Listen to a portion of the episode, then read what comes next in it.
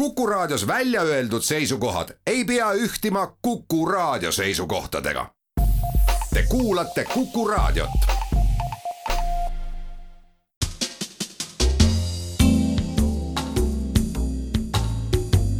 tarkade klubi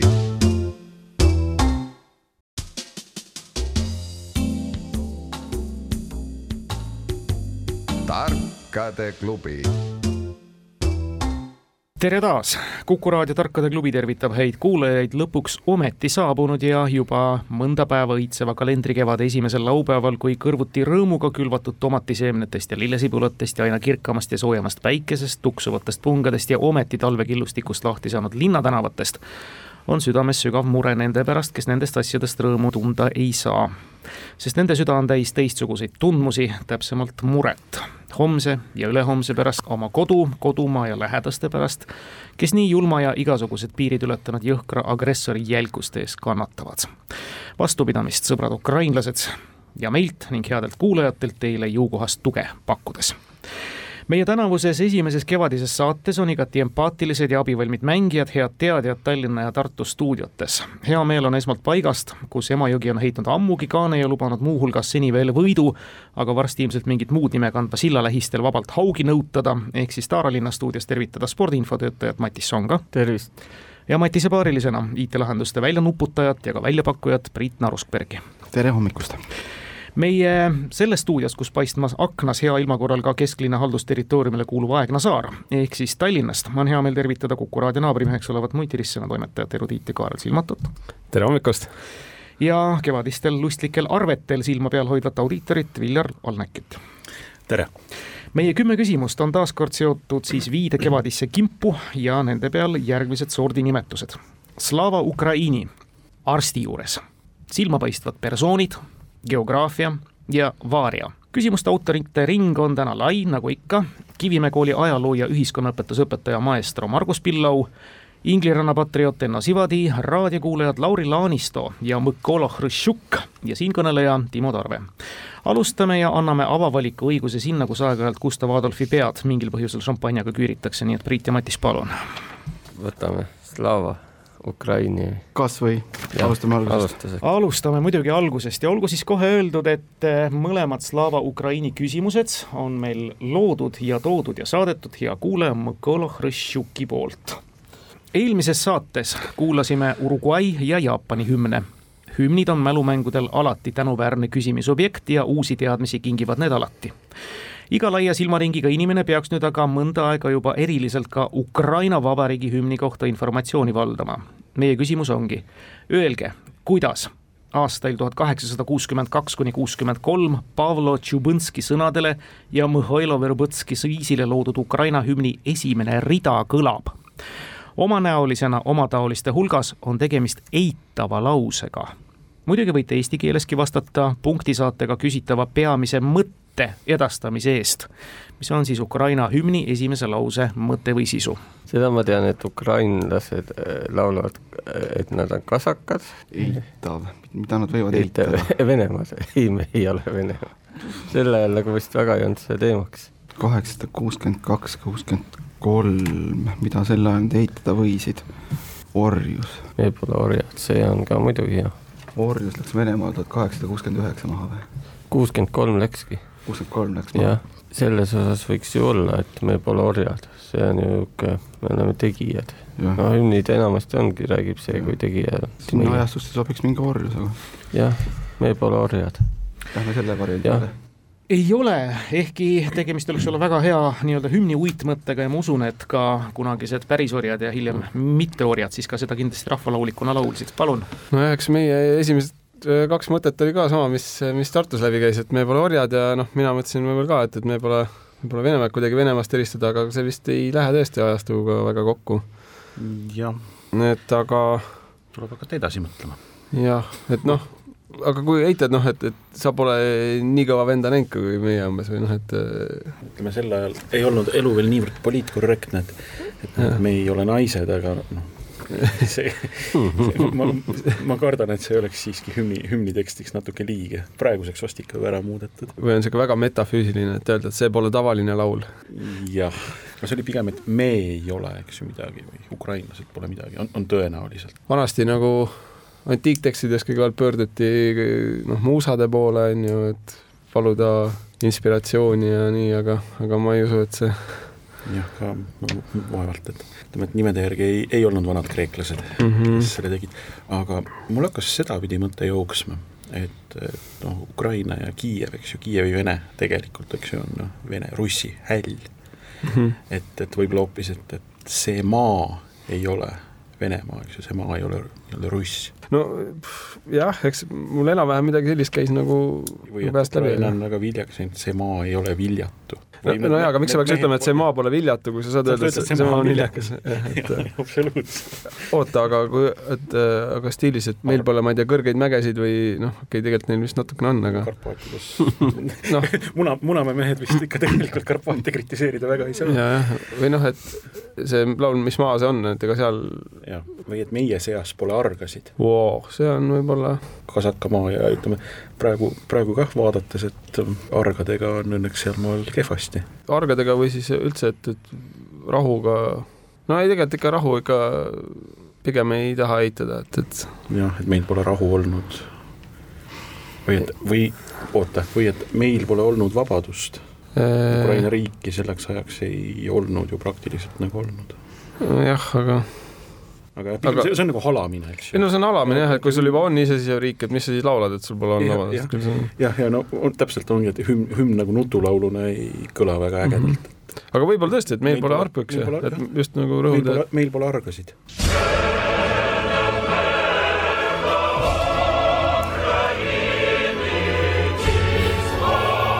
see on poole punkti vastus, mille te andsite. see on saatejuhi otsus.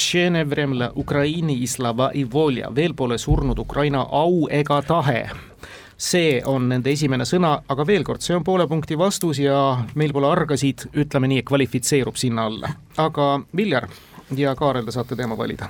jätkame samaga vist ju. ja taaskord Mikola Hruštšuk küsib, Ukraina debüteeris iseseisva riigina olümpiamängudel tuhande üheksasaja üheksakümne neljandal aastal talvel Lillehammeris. sealtmaalt on sinikollase lipu all võidetud sada nelikümmend kaheksa medalit, millest kolmkümmend kaheksa on kuldsed. Küsimus on konkreetne, millisel spordialal on Ukraina sportlased võitnud kõige enam olümpiamängude medaleid, kokku üheksateist, millest seitse on kullad Rustam Šaripov ja Liidia Podkapajeva olid just sel alal just Ukrainale esimesed olümpiavõitjad. Matis kiristab hambaid. Jah. nojah. Matis vist kiristab tõesti. ega jah, vastas on meil spordiprofid, nii et ega natukene jama jah. ei just, ma nüüd hakkan mõtlema ja ma üritan oma, oma sellised sporditeadmised kokku võtta. no kus palju võidetakse, on ujumine on ju, Klotškova on päris mitu võitnud, neli vist äkki kulda või? jaa. aga aga Šaripov minu meelest ujuja nüüd küll ei olnud. okei okay., no minul need nimed ei ütle midagi kahjuks. jaa. ma olin liiga aga... väike ka, et oota, Lillehammer või? See on taliolümpia. jaa, aga see oli esimene olümpia, kus nad ah, olid. jaa, okei okay,, okay.. see, see ei ütleks ju midagi selle kohta, et, et Šaripov ja Podkupajev siis osalesid ja põhimõtteliselt no üks ala, kus, kus on palju medaleid ja ma võin nüüd mööda panna ja noh, siis Mati sõrub käsi muidugi rõõmuga aga kas Šaripov ei olnud sportvõimleja? okei okay,, sportvõimlemine, nojah, seal võidetakse ka päris palju medaleid. ja, ja noh, ukrainlased iseenesest, nad ei ole sportvõimlemises päris nõrgad mm. -hmm. Aga käime veel igaks juhuks läbi, äh, vehklemine, neil on seal see mingi Harlan. aga üheksateist medalit. nojah, seda on palju. olümpiate peale vehklemises, nad peaks olema nagu kõige enam-vähem kõige tugevam vehklemisriik siis. okei okay,, jah, see ikka eeldab, et, et sul on nagu pidevalt aga, aga näiteks kergejõustik. jah, Kotkopajeva. seal vist läheb ju ühe ala alla see kõik, on ju? Nagu kergejõustiku erinevad distsipliinid lähevad kõik sinna alla. ja noh, kõrgushüppajad ja kõik muu selline, eks ju, on, on neil tugevad. ma nüüd mõtlengi, et kas, kas see on mul nii-öelda valemälestuste ketist, et, et Šaripov ja Podkopajeva võisid olla võimlejad või see on ikkagi selline suhteliselt õige mälestus, mis on lihtsalt sellise tolmu ja prahi alla mattunud kuskil aju tagumises servas mm. -hmm. sest ta kuidagi sealt tolmu ja prahi alt pigem tuleb, see ei ole see, et ma tean. minul pole õrna aimugi, need nimed just, mulle nagu ei ütle, et et midagi, midagi nagu ütleb, et ehk kui, kui meie sellist vana head reeglit kasutada, et et kui ühel mehel on aimdus ja teisel pole sedagi. jah, sest sest noh, Tartu ilmselt, ilmselt teab seda, nii et jah, Mati, Matis nüüd jah, täpselt, et kas taob pead vastu lauda sellepärast, et nad tõprad panid pihta või sellepärast, et kuidas, kuidas nad nii rumalad on ja Mati ei tea seda.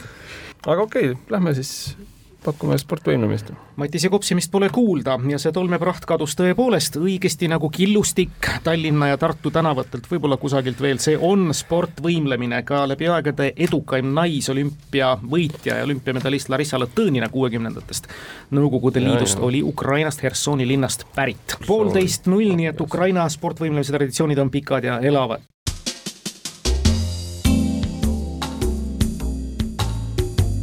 tark tarkade klubi.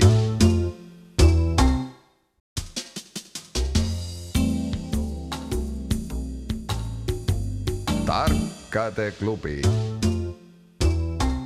Tartu, teie kord, kui kaks küsimust ja Slava Ukraini on läinud. Priit. tulistada Vaariaga, sealt tuleb kõike. Vaaria mis sa arvad? jah Läheme ja Lauri Laanisto, kes debüteeris kaks mängu tagasi edukate heade küsimustega, küsib nüüd järgmist. milline keel on oma sõnavara poolest kõige sarnasem inglise keelele. see tähendab seda, et keelte sõnavarad on kõige enam omavahel kattuvad. selle keele kõnelejaid on maailmas pisut alla poole miljoni ja sõnavara kattub kahel keelel, meie küsitaval ja inglise keelel hinnanguliselt kuuekümne protsendi ulatuses. alla poole miljoni. sõnavara kattus? kuuskümmend protsenti hmm.. et igasugu iirid, keldid ja, ja inglise keel on, on, kas see on neil kohalik või tuli mingite normann, kelle iganes sisse? taanlased panid eh, selle häälduse ja kirjutamise paika. kirjutamine tuli vist prantslastelt? jah, ma ei mäleta, üks neist aga aga selles mõttes, et see ei ole neil ju see, lisandil mingi kolmsada tuhat millegagi inimest. jah. aga noh, rääkijaid on mujal veel? no üle kolmesaja tuhande, aga mm, -hmm. aga selles osas, et Kariibi mere murrakuid sinna hulka ei loe, loeta, seal loetakse ikka vist inglise keele alla. ei islandi keelega nad ikka ei lähe, jah? Islandi keelega ma ka ei, nagu ei kujuta ette, jah ja mõtlengi, mis keeltel on rääkijaid poole milli kanti? kas Prantsusmaal mingi bretooni oma ei ole? Kuna alla. aga kas see on pigem nagu sinna kõmrid ja juukesed? kõmri vist on erinev või? nojah, seda jah, sellest ma mõtlengi, et see bretooni. kusagilt viikingitelt ei tule midagi, see on täiesti teine.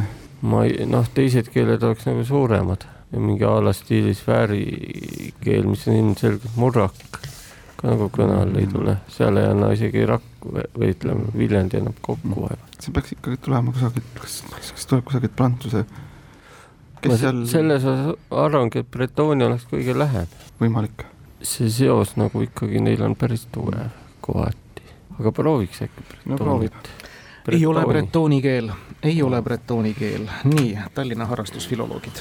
ahhaa, meil oli jälle see, et tundus juba, et oh, et hea lihtne, et saab mõtlemisest loobuda, et teistel on hea pakkumine lauas. võib-olla võib oleks ise ka jah, bretooni pakkunud, kuigi ma ei tea, minu meelest ta ikkagi on rohkem nagu niisugune prantsusepärane no jah, jah, filoloogiaga mul on kehvem kui sul kindlasti. jah, no mingi pidžin keeled ilmselt, kreoolkeeled ja siuksed nagu Pidgin english, et see noh, need on igas riigis oma ja veider oleks nagu mõnda neist küsida, sest noh. jaa, ja see on noh, ongi pidgin english on tegelikult ju pigem see ei ole keel, see ongi no, nagu väljend. ta on nii-öelda kohalik versioon inglise keelest. just.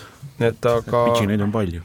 aga mõelda siis mingid asumaad Aafrika või, või no hea küsimus vist ongi, et kas see on keel, mis kuidagimoodi sulas inglise keelega ühte ja oli enne olemas või mm -hmm. see on keel, eks ju, mis arenes inglise keelest välja. sest ühtepidi me tõenäoliselt peame liikuma, eks ju, seal Euroopas ja tegelikult Briti saarte ümber küllaltki palju. kuule, tead, mis või, aga äkki see, viissada tuhat, et äkki see ei ole nagu päris keel, et kas see on mingi stiilis programmeerimiskeel või mingi fiktiivne keel või aga selle kohta ju sa ei ütle, et kõnelejat ütleme, programmeerimiskoht, keele kohta no, sa ei ütle, et kõnelejat. jaa, aga kui sa ütled mingisuguse, ma, mis seal Star trackis räägiti, seda vulkanit, on ju, neid friike, kes õpivad seda keelt, neid on küll ja veel ju. Või mingid Game of Thrones'ist mingid äh, Dothraki või Valüüriani keeled on ju, et äh, kuigi noh, seal vist ei ole üldse nagu sarnasust inglise keelega küll aga no lihtsalt noh, korraks tuleb nagu kastist välja mõelda, et kas, kas Nõus. midagi leidub sinna.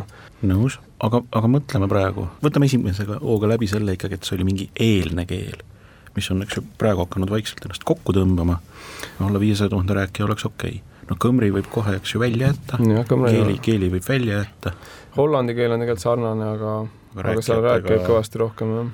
ega seal saartel mingi Shetlandid ja asjad, seal on veel vähem, on ju, et äh, need, kas need on omaette keeled, lähevad rohkem murrakuks, eks ju, mingi manni, manksi keel. mingid alamsaksi keeled, asjad. palju Manni saarel elanikke on? Pole, ausalt öeldes mul pole õrna aimu, aga ma arvan, et see on kõvasti vähem kui pool miljonit.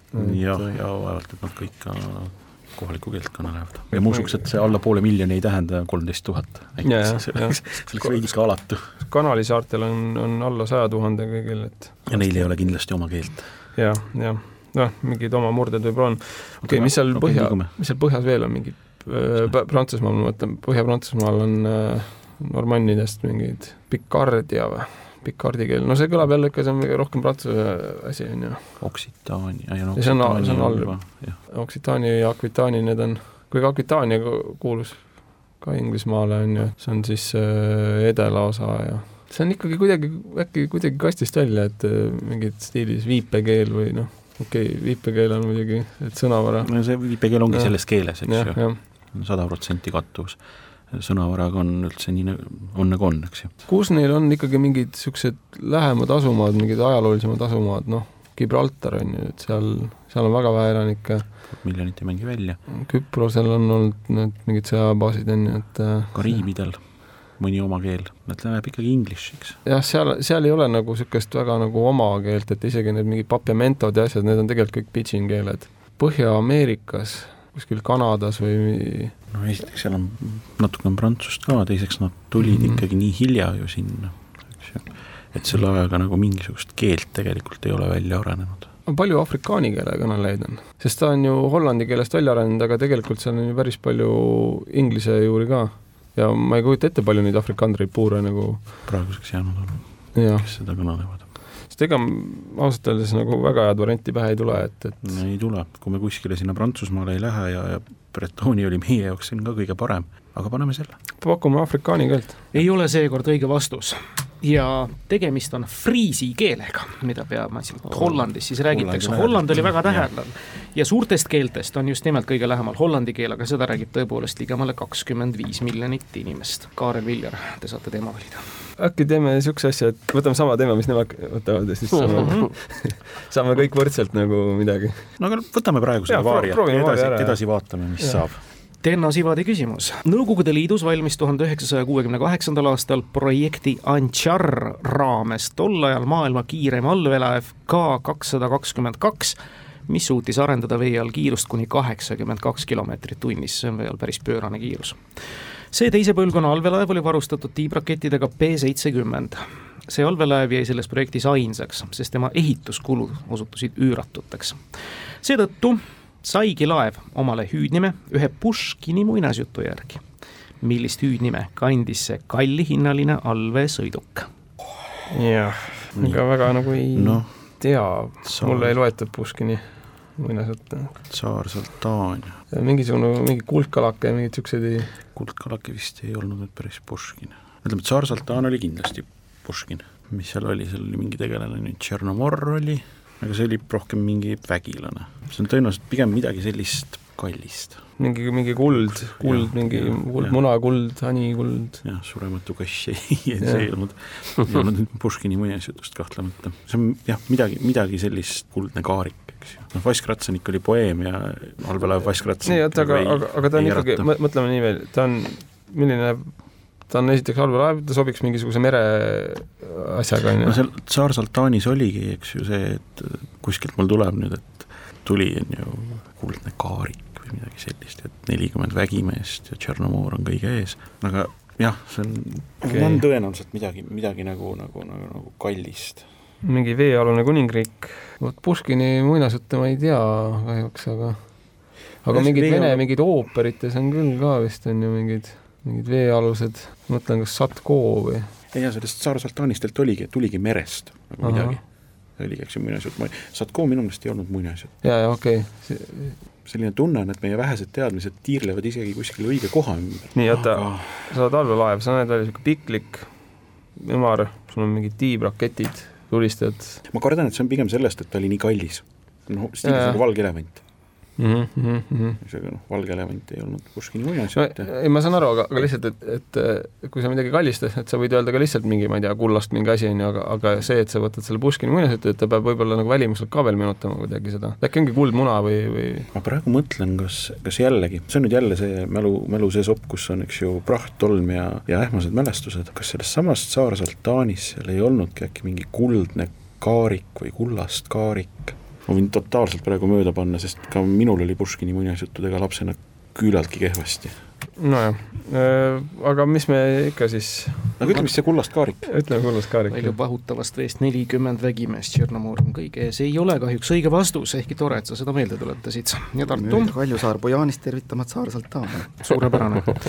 me võiks kohe pikemalt edasi minna, aga nüüd ootame vastust küsimusele. minule tuli esimese mõttena pähe Küürselg Sälg, sest tema oli selline tegelane, kes sai mm -hmm. ruttu punktist A punkti B. ja, ja allveelaev on nagu ka küürselg. selles mõttes, et kas, kui see oli rahvasuu, kes teda nimetas niimoodi, siis äh, irooniana sobiks küürselg Sälg küll niimoodi. kui see oli ametlikud kanalid, siis need ilmselt niimoodi ei nimeta jah, aga ma arvan, et pigem rahvasuu, sest neile oleks ilmselt see K kakssada kakskümmend kaks sobinud. ma mõtlen sealt Saarsaalt Taanist mulle nagu ei meenu kuidagi, seal olid need eh, orav laulu laksutab, ise pähkleid plaksutab. Eh. jah, jah, ja Jevgeni Onegi mis me teeme, kas mõtleme, lähme sälja peale või? Läheme äkki sälja peale küürselg selg ei ole ka õige vastus. Ja tegelikult käis see ju lauast läbi, see on seesama lihtne kuldkalak, ikkagi Puškinilt oh,. Zalataja rõbka, Puškinil oli siis muinasjutt Skaska rõbaki i rõbki, muinasjutt kalamehest ja kalastus, vana kalamees püüdis kinni kuldkalakese ja kuidas asi edasi läheb, see on kõigile teada, muidugi muinasjutust on väga mitu versiooni ka anekdootlikku loodud. nii et ei tulnud, lauda jäi. me läheme edasi pärast nelja küsimust, kui meil on poolteist punkti Tallinn, Tartu null, Tartus valida. meil on silmapaistvaid persoone, geograafiat ja arsti juures teema võtame silmapaistev persoon. võtame persoonid. loetelu, Briti kaheksateistkümnenda sajandi keemik ja anatoom, Oxfordi ülikooli silmapaistev teadlane. sama silmapaistev Cambridge'i ülikooli molekulaarbioloog kahekümnendast sajandist. Kanada kaasaegne poeet, Melbourne'i esimene linnapea ja meie hulgast mullu lahkunud Inglise endine ragbikoondislane ja sealse alaliidu president. Nad kõik on nimekaimud, kes mitte asjata pole teile täna mälumängus antud vastata. mis nime nad kandsid või kannavad Briti kaheksateistkümnenda sajandi keemik ja anatoom, Oxfordi ülikooli silmapaistev teadlane, see on siis esimene. sama silmapaistev Cambridge'i ülikooli molekulaarbioloog kahekümnendast sajandist, see on teine. Kanada kaasaegne poeet, kolmas. Melbourne'i esimene linnapea, neljas ja meie hulgast mullu lahkunud Inglise endine ragbikoondislane ja sealse alaliidu president, viies. kõik on nimekaimud, kes mitte asjata pole teile mälumängus antud vastata oh,. mina lähtuks kõige lihtsamast loogikast, John Smith ei või olla või ei tea vastu John Smith. sest et äh, ausalt öeldes need nimed lihtsalt Eesti talupoegade järeltuli ei ole väga häid, sest Inglise räkpikoondisest tean kindlasti vähem kui Uus-Meremaa räkpikoondisest. ega midagi siin, ainukene, kus nagu mingit Kanada poeedina no, ainult neid, kes äh, muusikaga. jah, Leonard Cohen vaevalt on, ma arvan, teised peaks olema kaasa arvatud juudid, aga see nagu ka ei lähe. ei ole tõesti nagu kusagilt ühtegi Briti keemikut, äh, olid mingid Lord Kelvinid, kellel oli Thompson, vist passi nimi oli Thompson, aga mm. -hmm tavaliselt on siis, kui ei tea, siis need Schmidtid ja Müllerid ja need tulevad kõige lihtsamini sinna. Kas nad on nii ees, ees kui perekonnanime nimekaimud? just. on mm, -hmm. no siis võime John Smithi peale minna küll. hästi teete, kui ei tea, paku alati John Smith, need on kõige lihtsama inglise nimekandjad, mida alati siis mälumängudes pakutakse, see on üks levinumaid vastuseid lisaks ei teale eesti keeles kelle nimeline on ka Eestis muidu olemas. nii et John Smith on õige vastus, on nad kõik isikud olnud ja loomulikult see loetelu oli pikk, ma oleks võinud lasta veel praadida natuke Kanada luuletajaid ette lasta lugeda. jah, filosoof. jah, aga jäi niimoodi, te avasite sellega enda punktiskoori ja kohe väga napi vahega, üks ja poolteist. Kaarel ja Viljar saavad valida. nojah, nüüd on juba jah. äkki proovime geograafiat. proovime geograafiat. jaa. äkki ei tule Eesti? ei tule, tuleb Itaalia Itaalias asub üks teatud kolmeteist tuhande viiesaja üheksakümne ruutkilomeetri suurune ja ligemale kuue miljoni elanikuga halduspiirkond, mille nimi ühtlasi näiteks nii sõjanduse kui kaubanduse valdkonnas on konkreetne mõiste, aga mitte ainult. ja me küsime, mis mõiste või mis nimi? Läheb mõni kuu veel ja meil Eestis muutub ka veel ühes tähenduses see aktuaalseks. Itaalia halduspiirkond, mis on ühtlasi ka sõjanduse või kaubanduse konkreetne mõiste okei okay., kuus miljonit halduspiirkond, see eeldab, et see on ikkagi tegu on maakonnaga, et äh, maakonda, provintse ma võin ette küll lugeda. no aga aga kuus miljonit elanikku, see on noh, ma ei tea, näiteks Lombardia on esimene, mis pähe tuleb, on ju. no mul jah, sest mul tuli ka, ütleme kaubandusest ma oskaks kohe öelda. Lombard, Lombard, aga, aga, aga sõjandusest, miks ta Eestis aktuaalne on, ei tule, on ju, noh, siis on seal äh, Piemonte, Liguuria, siis on Toskaana, juuksenäel. siis on äh, Emilia Romana, siis on seal mingid Venetod äh,, Umbria, Marke, Abruzzo, Molise, Lazio, hämmastav. Latium, Campania, oota, jää, jääme nüüd, jääme nüüd, jääme nüüd korraks siia. kampaania, noh, mõne kuu pärast ikka tuleb. kaubanduses on, sea-, sealises on, ja poliitikas tehakse üldiselt ka kampaaniat nojah, valimiste eel. see on no, Naapol, Napoli ja see asuvad kõik sõda, sõda kampaanias on. kampaania, ja kuna, kuna Napoli seal asub, Napoli on tegelikult juba päris suur päris mitu miljonit. ja samas Lombardia noh, tõenäoliselt on suu-, no mitte suurem, aga rohkem inimesi. Lombardias on ju Milano ja noh, kas on mingi Torino press vist, ka või? ei Tori-, Torino on Torino. Piemontes, aga okay., aga, aga noh, et äh, Lombardias on rohkem vist jah. jah, ma arvan, et see on kampaania. ja vaadake, head mälumängusõbrad, kuhu viivad korralikud baasteadmised ka Itaalia geograafiast, nad aitavad korralikult vastuse heade vihjete peale välja tuletada. õige, see on kampaania ladinakeelsest sõnast campus, mis tähendab põldu või välja. kampaania seega siis maapiirkonnas, sõjanduses, lühike intensiivne välioperatsioon, millega kaupmehed oma hinnalandustest loodetavat ostjaskonna tähelepanu siis võrdlevad. ja me räägime loomulikult tulevaste Riigikogu valimiste kampaaniast, kaks pool üks. Tartu, teie kord mis selle arsti ka ära võtta või persoone veel? kumba sa võtame silmapaistev äkki ära no. võtame persoonid. silmapaistvaid persoone. tema nime kannavad kaheksateist mäge ja kolm mäestikku, üks ookean ja üks meri, umbes kolmsada taime ja sada looma. arvukalt asustatud paiku, näiteks kolm Ameerika Ühendriikide maakonda. ühena viimastest muide nimetas Sir David Attenborough tema nime järgi ka ühe avastatud enam kui neljasaja miljoni aasta vanuse fossiili selge, et see kaheksateistkümnendal ja üheksateistkümnendal sajandil elanud mitmekülgne loodusteadlane on mees, kelle järgi on kõige enam maal ja mitte ainult nimetatud looduslikke ja geograafilisi objekte ja subjekte. me küsime, kelle. ja populaarsel teemal jätkates, ta oli väidetavalt esimene, kes pani kliima soojenemise inimese tegevuse süüks, kelle järgi on maal ja mitte ainult nimetatud kõige rohkem objekte ja subjekte. päris palju. mõned on ookean ja meri, see peab siis midagi kuu peal olema või? Ma arvan, et pigem kuu peale jah. kus ook-, kuu peal ookean, kas on küll vaik-, vaikus ookeanid on olemas või? Mered on küll no on ikka. Või Marsi peal mõni, sest et siin vist eh, maa peal neid ookeaneid väga palju ei ole.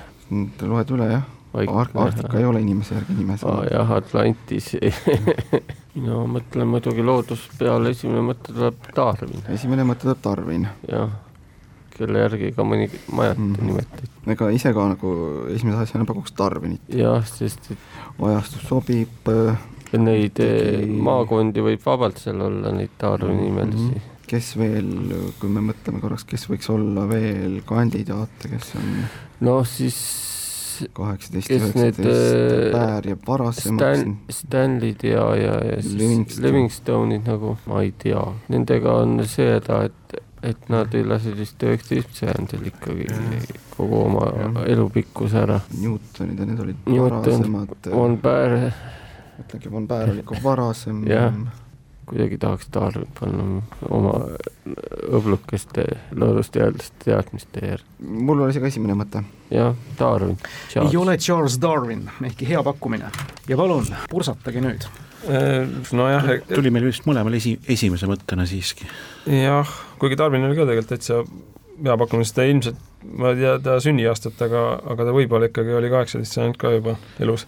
isegi ei oska öelda, ta on nibin-nabin, nojah, tunnistan, et äh, sünniaastat ei mäleta. põhiteos ilmus tal tuhande kaheksasaja viiekümne üheksandal või viiekümnendatel igatahes, et, et siis või oli nelikümmend üheksa, no sinnakanti ühesõnaga okay., vaata kirjutas selle reisi oli üks natuke varem, ta oli suht noor mees mm -hmm.. okei okay,, see selleks, aga, aga mõtlesime hoopis teist meest. me mõtlesime korra Humboldti peale vist. õige, see on Aleksander von Humboldt, kelle järgi on saanud arvatavalt maa peal ja ka kuu peal, seal asub see ookean jah, Humboldti ookean. aga meri? ka kuu peal. ka kuu peal. vot, see oligi see. ei, ma hakkasin mõtlema, et Humboldti meri on kuu peal ju olemas. Humboldti meri on tõesti kuu peal olemas ja mäed ja fossiilinimetused ja orhideed muuseas ja ühesõnaga neid ei võiki jääda loetlema ja kolm maakonda Ameerikas ka. Mm..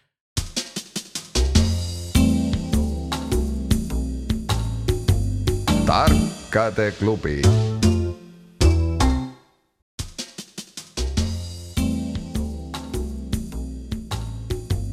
Tarkade klubi kolm pool Tallinn, Tartu üks, tegelikult on kolm küsimust enne lõppu veel igasugused asjad võimalikud, nii et äh, tulda ainult õigete valikutega, geograafiat või arsti juures.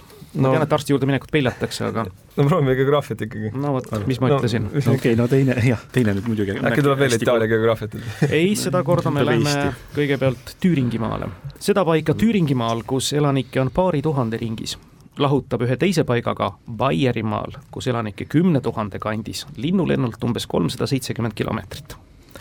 kalendaarselt saab neid lahutada kahetiselt. tänavu lahutas neid kalendaarselt umbes nädal. tähtsamas plaanis lahutab neid kaks aastat. segadust tekitavad huvilises, kes ei ole hästi kursis Saksa geograafia eripäradega, nad igal juhul mõlemad kaks paika, üks Tüüringimaal, teine Baierimaal. noh, see ohoo, alam, ülem, mingi no Thüringimaa asub suhteliselt Saksamaa keskel ja Baierimaa on siis pigem lõuna. jah, lõunas. noh, kolmsada seitsekümmend kilomeetrit, okei okay,, kaks tuhat, kümme tuhat, see on selge, et see ei ole nüüd mingisugune selline asi, mis on tuntud nii-öelda geograafilise punkti endana. jaa, et seal on lihtsalt mingi huvitav nimi ilmselt. kalendrist sa näed, oot, oota. kuule, need on järelikult, need võivad olla mingisugused tähtpäevad stiilis Valpurg mm -hmm. on üks, eks ju. aga kaks aastat muidu, täna on nädal. jah, see, see natukene see, aga iseenesest noh, Valpurg võib mingi küla küll olla, eks ju. Valpurgi no. öö, eks ju. ei, Valpurga on, on pühak, Püha Valpurga oli see, kelle. oli selle järgi?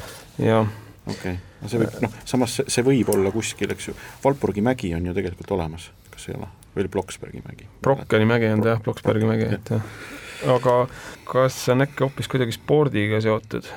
et mingisugune okay, üritus, mis, mis muidu toimub üle, ma ei tea, kahe aastaga, nüüd on kaks aastat, et saa nädal, noh, Oktoberfest ei saa olla kümme tuhat, ei sobi kohe mitte mingit pidi, Münchenis on mõni inimene rohkem. Jah, nii, aga huvilistest see, see kuidagi viitab ka, et tegelikult, tegelikult ju sport täitsa sobiks, et kui mingi spordiala fännid, kes vaatavad, muidu on mis see nelja hüppemäe turnee on ju, seal on äh, Saksamaalt kaks ja Austriat kaks on ju, seal on no, Innsbruck, jah, ja, ja Saksamaalt on Bischofshofen ja Oberstdorf. jah, ja Oberstdorf. ja need on mõlemad, need on kõik Alpides ilmselt, et ma ei usu, et seal nagu Tüüringis midagi on. et need ilmselt on kõik äh, Baierimaal no jah, Ober-, Oberstdorfi asukohta ma tunnistan ja, ja samas neil ei, neil ei tohiks ka kaks aastat vahet olla kalendaarselt, et, et seal on nagu toimub suht lühikese aja jooksul, on ju. circa nädal, noh, see on neljapäevane turnee, see nagu aga mingid vormeli asjad või mingid äh,, oota, Nürburgring ja, ja Nürnberg on kaks eri kohta, et aga nojah, Nürnberg on ka suti suurem, eks ju, kui kümme tuhat. ja, ja see kaks nädalat või kaks, vabandust, kaks aastat mm -hmm. tekitab ka segadust. mõtleme korra veel edasi seda, seda nii-öelda kalendri asja, et mingid kalendripühad mingisugused. Kui tänavu on nädalavahet, see tähendab, et siin peab midagi väga liikuvat olema. Või hoopis midagi päiksevarjutusega või, või, või mingid noh, ma ei tea, kuuvarjutused, mida iganes, niisugused noh, ma ka võib-olla jäin kinni nüüd, eks ju, rumala peaga sellesse Volbergisse, Valpurgisse, eks ju, noh, see on kolmkümmend, eks ju, aprill. sealt nüüd nädal edasi-tagasi kas on mingisugust? väga nagu esialgset. ja, ja Timo, sa ütlesid, et see äratab veel segadust. segadust jah, tekitab segadust.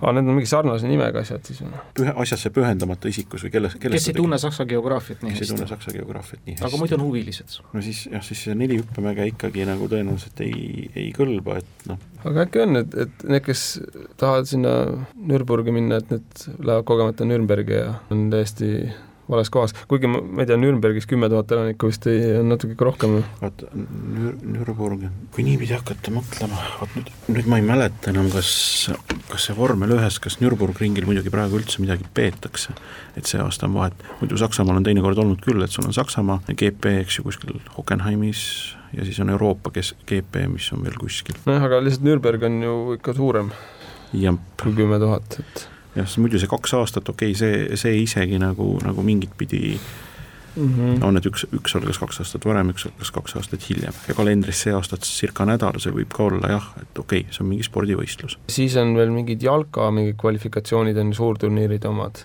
et kas kuidagi mingid jah, noh, Leverkuseni Bayer ja Müncheni Bayern, eks ju, on ka vana, vana hea tõmmekas. või et München-Gladbach ei ole Müncheni oma klubi, on ju, et jah, aga kuidagi nagu elanike arvud üldse ja. ei klapi. me vist oleme jälle siin niimoodi tiirutanud võib-olla üldse nagu teises metsas isegi, karu, karust ka kaugele eemal ja et Matis, Matis ja Priit nüüd Hiir ka päris ei, jah, päris ei magama ei jääks, äkki, äkki mõtleme midagi ära. Äh, okei okay,, aga äkki ikkagi ongi see, et üks osa vähemalt on Nürburg ring. nojah, hädapärast siis pakume midagi, et siis üks on, äh, tahetakse minna Nürburgringile ja satutakse Nürnbergi. ei ole kahjuks punkti väärt vastust, nii et null ja palun Tartu. algul poisid hullasid küll Tüüringi metsadesse Brockeni mäel, aga minu teada on, mis segadust äh, tekitavad, et Tüüringi metsades on Oberhof ja Baierimaa seal kagunurgas on Oberstdorf. väga õige, see ongi Oberhof ja Oberstdorf, mis tekitavad siis ütleme, suusaspordihuvilises segadust.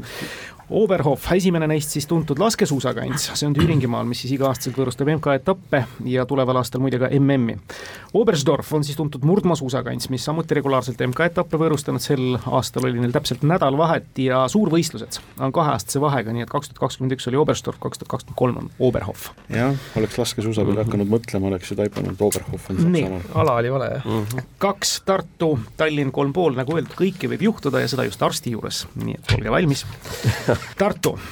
Möödunud sajandi Briti psühhiaater John Todd kirjeldas aastal tuhat üheksasada viiskümmend viis teatud konkreetset desorienteerivat neuroloogilist seisundit, mille käigus inimesel oma kehast või selle erinevates osades moonutatud ettekujutus tekib ning ta ümbritseva maailma objekte tegelikkusest suuremana või väiksemana tajub fenomen avaldub tihtipeale näiteks kas migreeni, peatrauma või viirusliku entsefaliidi olemasolu eeldusel. Todi sündroomiks vastavat kirjeldatud tervisehäiret esialgu kutsuma hakatigi, ent peagi sai see endale kindlasti efektsema ühe tuntud kirjandustegelase nime, kelle. kas see on Alice imedemaal või Gulliver? kes tajus, Alice imedemaal nagu tajus ennast suurena ja ja ka pisemana. Gulliver oli ka erineva jah, Lilliputimaal ja Lilliputi, see on vist nagu Gulliveri sündroom. see võib midagi veel olla, mõtleme, mis võib veel olla. Alice ise kas-, ei, ta ju kasvas ja kahanes või? ta jah, temal oli küll see kasvamise ja kahanemise teema, et Gulliver oli enam-vähem ikkagi Gulliver, ühes suuruses, ainuke häda oli see, et tal ümbritsev oli, ümbritsev oli nagu kas pisut väga väike või väga suur. Gulliveri olen kuulnud mingis teises kontekstis, nii et ma vist esimesena läks Alice'i peale, aga mina pakuks ka siis Alice imedemaa sündroom. Raspunseli sündroom on, on juuste söömine, juuste söömine., Münchhausen on üldiselt ja. kole mm. sündroom, mida nagu selline ei kes mina... veel on mingeid äh, Briti kirjanduses selliseid äh... sel ajal olid, hakkasid Tolkieni asjad ka, aga, aga need vist väga ei saanud. mina pigem see mis sul esimõte või esimesed mina mõtted? mõtleks selle peale ikkagi tõesti Alice in Wonderland okay., et Alice imedemaal. no lähme Alice'iga siis või? jah. see on Alice imedemaal, tõepoolest, Alice imedemaal sündroom Lewis Carrolli vastava teose järgi, nagu öeldud. kõike võib varsti juures juhtuda, te võtate järgi kolm, kolm pool. viimane küsimus otsustab mängu saatuse ja ikka arsti juures, Kaarel ja Viljar saavad esimesena arutleda. küsimus kõlab, kus asub inimkehal piirkond mida ladina keeles mõistega filtrum nimetatakse või kuidas seda meie eesti keeles kutsutakse. kreekakeelsest sõnast filtron ehk armurõõm. kultuuriloos on näiteks ka ingli näpujäljeks peetud. enamikel imetajatest on küsitav samuti mingil kujul olemas. ja enamusel olemas? enamikel imetajatest. imetajatest? just. okei okay., mitte kõigil? Mitte kõigil aga imetajatest, eks ju mm. -hmm. ehk et inimestel võib ta kõigil olemas olla. ausalt öeldes see nimi ei ütle mulle mitte midagi. jah, inglinäpujälg, eks ju, mis on siis, nüüd hakkad, hakkad ülevalt alla, alla minema, et noh, kõrvad on kuidagi, eks ju, erineva kujuga, aga kõrva ikkagi inglinäpujäljeks nimetada ja noh, veel armurõõmuga mingisuguseid seoseid on no ikka üpris raske leida. jah. Aga üks mõte, mõte tegelikult hakkas idanema siin küll, selle, sellepärast ma ka niimoodi Timole üritasin laualampi näkku lasta ja, ja esitada karmimaid küsimusi, et okei okay,, kui see on enamusel imetajatel olemas mm, -hmm. eks ju, et noh, nabanöör on nagu, nagu üldiselt inimestel, eks ju, on kõigil, aga, aga noh, vaalal tõenäoliselt näiteks, eks ju, kes kah üldjoontes nagu imetajaks läheb, nabanööri vist nagu ei ole ikkagi. nojah, kui ta on näpujälg, siis naba lihtsalt on ju. sinna võiks noh, pöidla vajutada. jah täpselt, selle pealt mul nagu see mõte jooksis ka. sest kui sa igasugu muid selliseid kohakesi hakkad, hakkad võtma, mis võiks nagu inim, inimkehas olemas olla, et igasugu lohud, õnarused, kas või Aadama õun või nii edasi, et ei ole kõigil või ütleme vähemalt selliselt välja joonistunult ei ole ja ja mm, -hmm. ja noh, see naba on tegelikult selline natukene teistsugune ka. no see on, see meeldib mulle päris äkki, äkki lähek, läheksime sinna, et muidu jah, teised tulevad hirmsa hooga tagant. ühtlasi umbes mingi pool aastat tagasi ma avastasin selle, et eh, naba on vist niisugune sõna, mille kohta ei ole eesti keeles Vikipeedia artiklit. ja see on nagu kõige üllatavam, et selle kohta ei ole olemas mm.. no siis jah, pead mõnele Vikipeedia toimetajale ettepaneku Taivo Rist kuulab meie saadet hoolega, nii et et umbes sajas keeles on, aga eesti keeles pole aga okei okay,, pakume naba. pakume naba. väga armas pakkumine, ei ole kahjuks õige vastus Te lõpetate kolme poole punkti peal, tegemist on muide küsimusega, mis kindlasti keskmisest enam raadiokuulajaid, mängijaid kindlasti paneb oma keha katsuma. palun, Tartu, Matis, ega sa ei pahanda, kui ma ütlen, et sa oled perearsti poeg? jah, see ei päästa. ei päästagi, jah mm -hmm.? jah, anatoomia oli mul bioloogias üks nõrgemaid alasid. aga filtrum? filtrum, filtrum on filter, midagi läbi laskuma mm. -hmm. otsest vastust ei tea riidest lahti võtma ka ei hakka, et saaks vaadata. jah, lõualohk ei pruugi olla, mida ma jah, ma ei tea, selles mõttes see võib olla mingi selline stiilis nagu see esihammaste vahe, mida peetakse kusagil teatud kultuurides tähelepanuväärseks, aga see kannab nimelt diastees minu teada. lõualohk on jah, helde kakao lo-, lõks, nagu vahel öeldakse. lohkuspõsed, need ei ole nagu kõigil loomadel, aga kas lõualohk seal tuleb kõigile loom-, keelekida. keel. see ei ole ingli näpujälg, see peab olema ikkagi nagu näha kohe. ingli näpujälg, sünnimärk mm,. sünnimärk nee, see, on, need olid mingid nee-, ei mitte neevused, vaid mis need ladina keel mm -hmm. olid. küünarnuki ots ei ole seal ju, siis loomadel on käpad jäljed, need ei pruugi mm,. armurõõm. see on kreekakeelse sõna tõlge aa, selle filtrumi tõlge filtron, filtron, sellest sõnast on ta tulnud, jah kus inimkehal, ehk ühesõnaga asub kehal, mitte sees mm, -hmm. kehas. nii, naba jäi välja, sest see on juba ära öeldud seda öeldi, et seda ei ole või see ei ole. loogiline oleks ikka, et peaks näost otsima, kui ta on näha niimoodi. näost, ninasöörmed, ei usu. lõualohk võib ikka olla või? äkki on lõualohk, seda on küll minu arust äh, mm. mõnigi na, na, naine on vallatas loos, et oi, et sul on see olemas mm., see on umbes, ma ei tea, tõmbab mm jah, mingil moel olemas see otsmikul laubal ei ole ka midagi sellist, mis oleks nagu kõigil loomadel olemas. jah, ma ei tea, kortsud, need vist ei lähe väga mm. sinna alla. Lähme selle lõualohu peale. no lähme. ei saa ka punkti, ehkki te olite oluliselt anatoomiliselt lähemal ega väga paljud mälumängurid asetavad teinekord sõrme sinna. see on ülahuule vagu vertikaalne süvend nina ja ülahuule vahel, täpselt siin, kus me hoiame praegu näppu ja sügame vuntsi teinekord, meessoost kuulajad. aga sisuliselt on see tänane mäng olnud väga võrdne ja viigiline, kõigest kolm pool ja kolm on Tallinn saanud võidu, see Ukraina nii-öelda hümni mõtte äraarvamine. Ega midagi, väga tore ja produktiivne on olnud ja palju mõtlemist ja rassimist on see enesega kaasa toonud, mis on väga rõõmustav. Öelge palun ka, mis siis nüüd tänasest mängust kõige enam meeldinud küsimus oli? no ütleme, et jah, et kui ikka panna küsimus Jaa. paneb enda keha katsuma, et siis võib ju jah, viimase kasuks. selge siis ingli näpujälg, mille sedakorda on vajutanud meile küsimuse kujul Margus Pillau saab hinnatud parimaks küsimuseks, ehk siis ülahuule vagu vertikaalne süvend nina ja ülahuule vahel. kratsige seda natuke, minge kevadet nautima, aitäh, Kaarel, aitäh, Viljar, aitäh, Matis ja Priit Tartusse. taas kuulmiseni.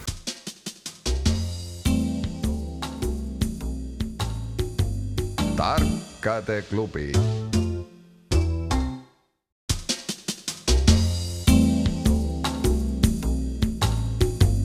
tarkade klubi